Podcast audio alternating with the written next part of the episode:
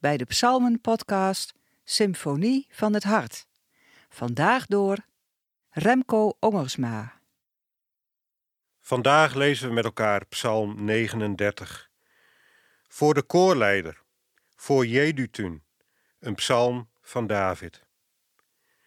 Ik had mij voorgehouden, ik moet mij beheersen en mijn tong voor zonde behoeden mijn mond met een muilband bedwingen, te midden van mensen zonder God of gebod. En ik zei dan ook niets, geen woord. Ik zweeg en vond geen verlichting. Ik voelde een steeds heviger pijn. Het brandde in mijn binnenste. Bij mijn zuchten laaide een vuur op en mijn tong begon te spreken. Geef mij weet van mijn einde, Heer, van de maat van mijn levensdagen Laat mij weten hoe vergankelijk ik ben. U maakte mijn dagen een handbreed lang. Mijn levensduur is niets in uw ogen. Niet meer dan lucht is het bestaan van een mens. Niet meer dan een schaduw zijn levenspad. Niet meer dan lucht wat hij rusteloos najaagt. Hij vergaart en weet niet wie er toevalt. Wat heb ik dan te verwachten, Heer? Mijn hoop is alleen op U gevestigd. Bevrijd mij van al mijn zonden, bespaar mij de hoon van dwazen. Ik zei niets, opende mijn mond niet, want u was het die mij dit alles aandeed. Houd op mij nog langer te kwellen, ik bezwijk onder de slagen van uw hand. U kastijdt de mens als straf voor zijn zonde. U tast zijn schatten aan, zoals een mot een kleed. Niet meer dan lucht is een mens. Hoor mijn gebed, Heer. Luister naar mijn hulpgeroep. Wees niet doof voor mijn verdriet, want een vreemdeling ben ik, bij u te gast, zoals ook mijn voorouders waren. Wend uw straffende blik van mij af, dan beleef ik nog vreugde, voordat ik heen ga en niet meer ben.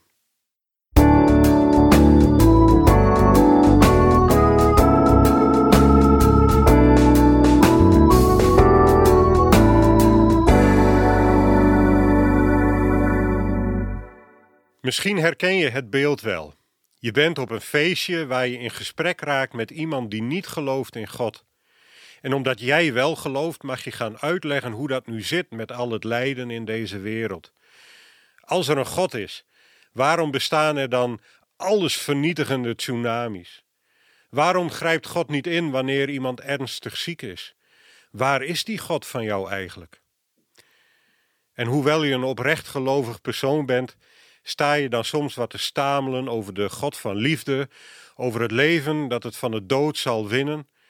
Maar tegelijk moet je ook toegeven dat je alle antwoorden niet hebt. In Psalm 39 proeven we ook zo'n setting.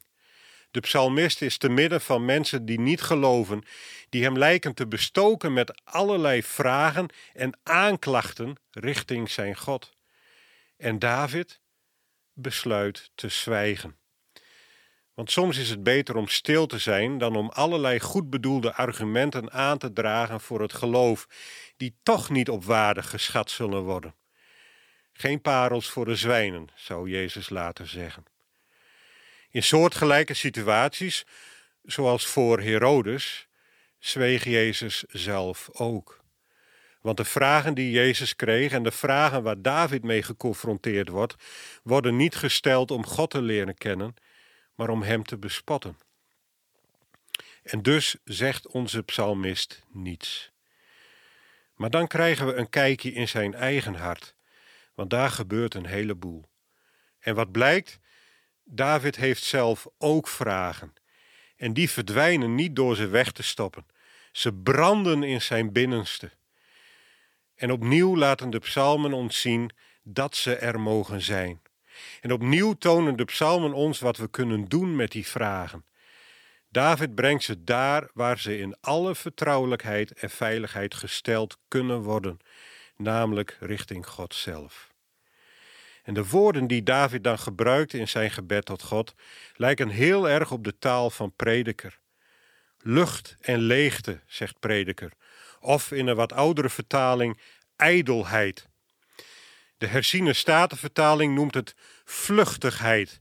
En dat komt misschien nog wel het dichtst bij het Hebreeuwse woord dat gebruikt wordt door prediker om het leven van een mens te omschrijven: damp. Ken je dat? Zo'n ouderwetse fluitketel.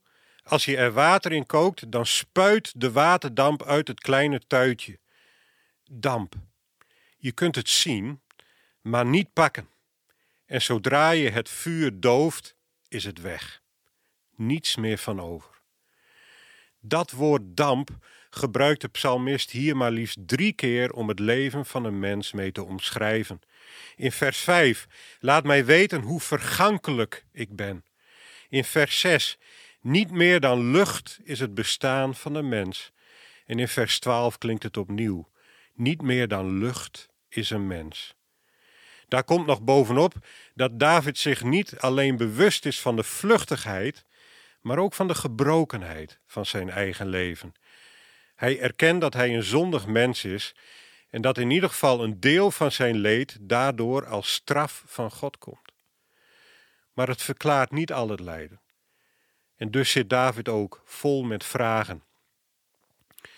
Het is boeiend en misschien ook wel confronterend om in deze psalm te lezen dat de vragen van gelovigen vaak helemaal niet zo anders zijn dan de vragen van hen die niet geloven. Het is daarom frustrerend, maar ook heel krachtig dat deze psalm niet eindigt met een mooie one-liner, een soort van alles oplossend vers dat we een volgende keer op een feestje in kunnen brengen. Nee, de vragen blijven hier vier overeind staan, zoals ze dat overigens ook doen in andere wijsheidsliteratuur in de Bijbel, in boeken als Prediker en Job. Maar midden in de psalm vinden we wel een beleidenis die we mee kunnen nemen in deze dag. Mijn hoop is alleen op u gevestigd. En zo wijst David ons in zijn vragen de weg. We weten niet alles. We overzien ons vluchtige en kwetsbare leven lang niet altijd. Maar we weten wel dat we een God hebben met wie we al onze vragen kunnen en mogen delen. Die ons niet ziet als lucht of slechts vergankelijke mensen, maar als geliefde kinderen. Een God die zich niet verre heeft gehouden van ons lijden, maar in Jezus vlees geworden is en midden in ons lijden is gaan staan.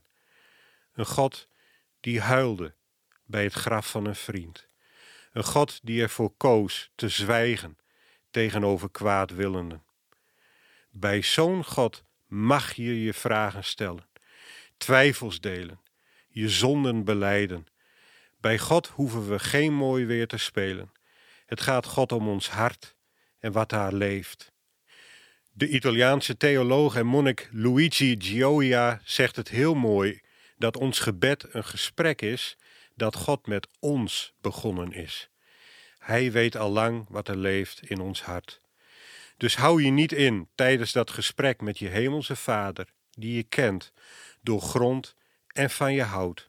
Of, zoals Petrus het later zou zeggen, werp al uw zorgen op Hem, want Hij zorgt voor u.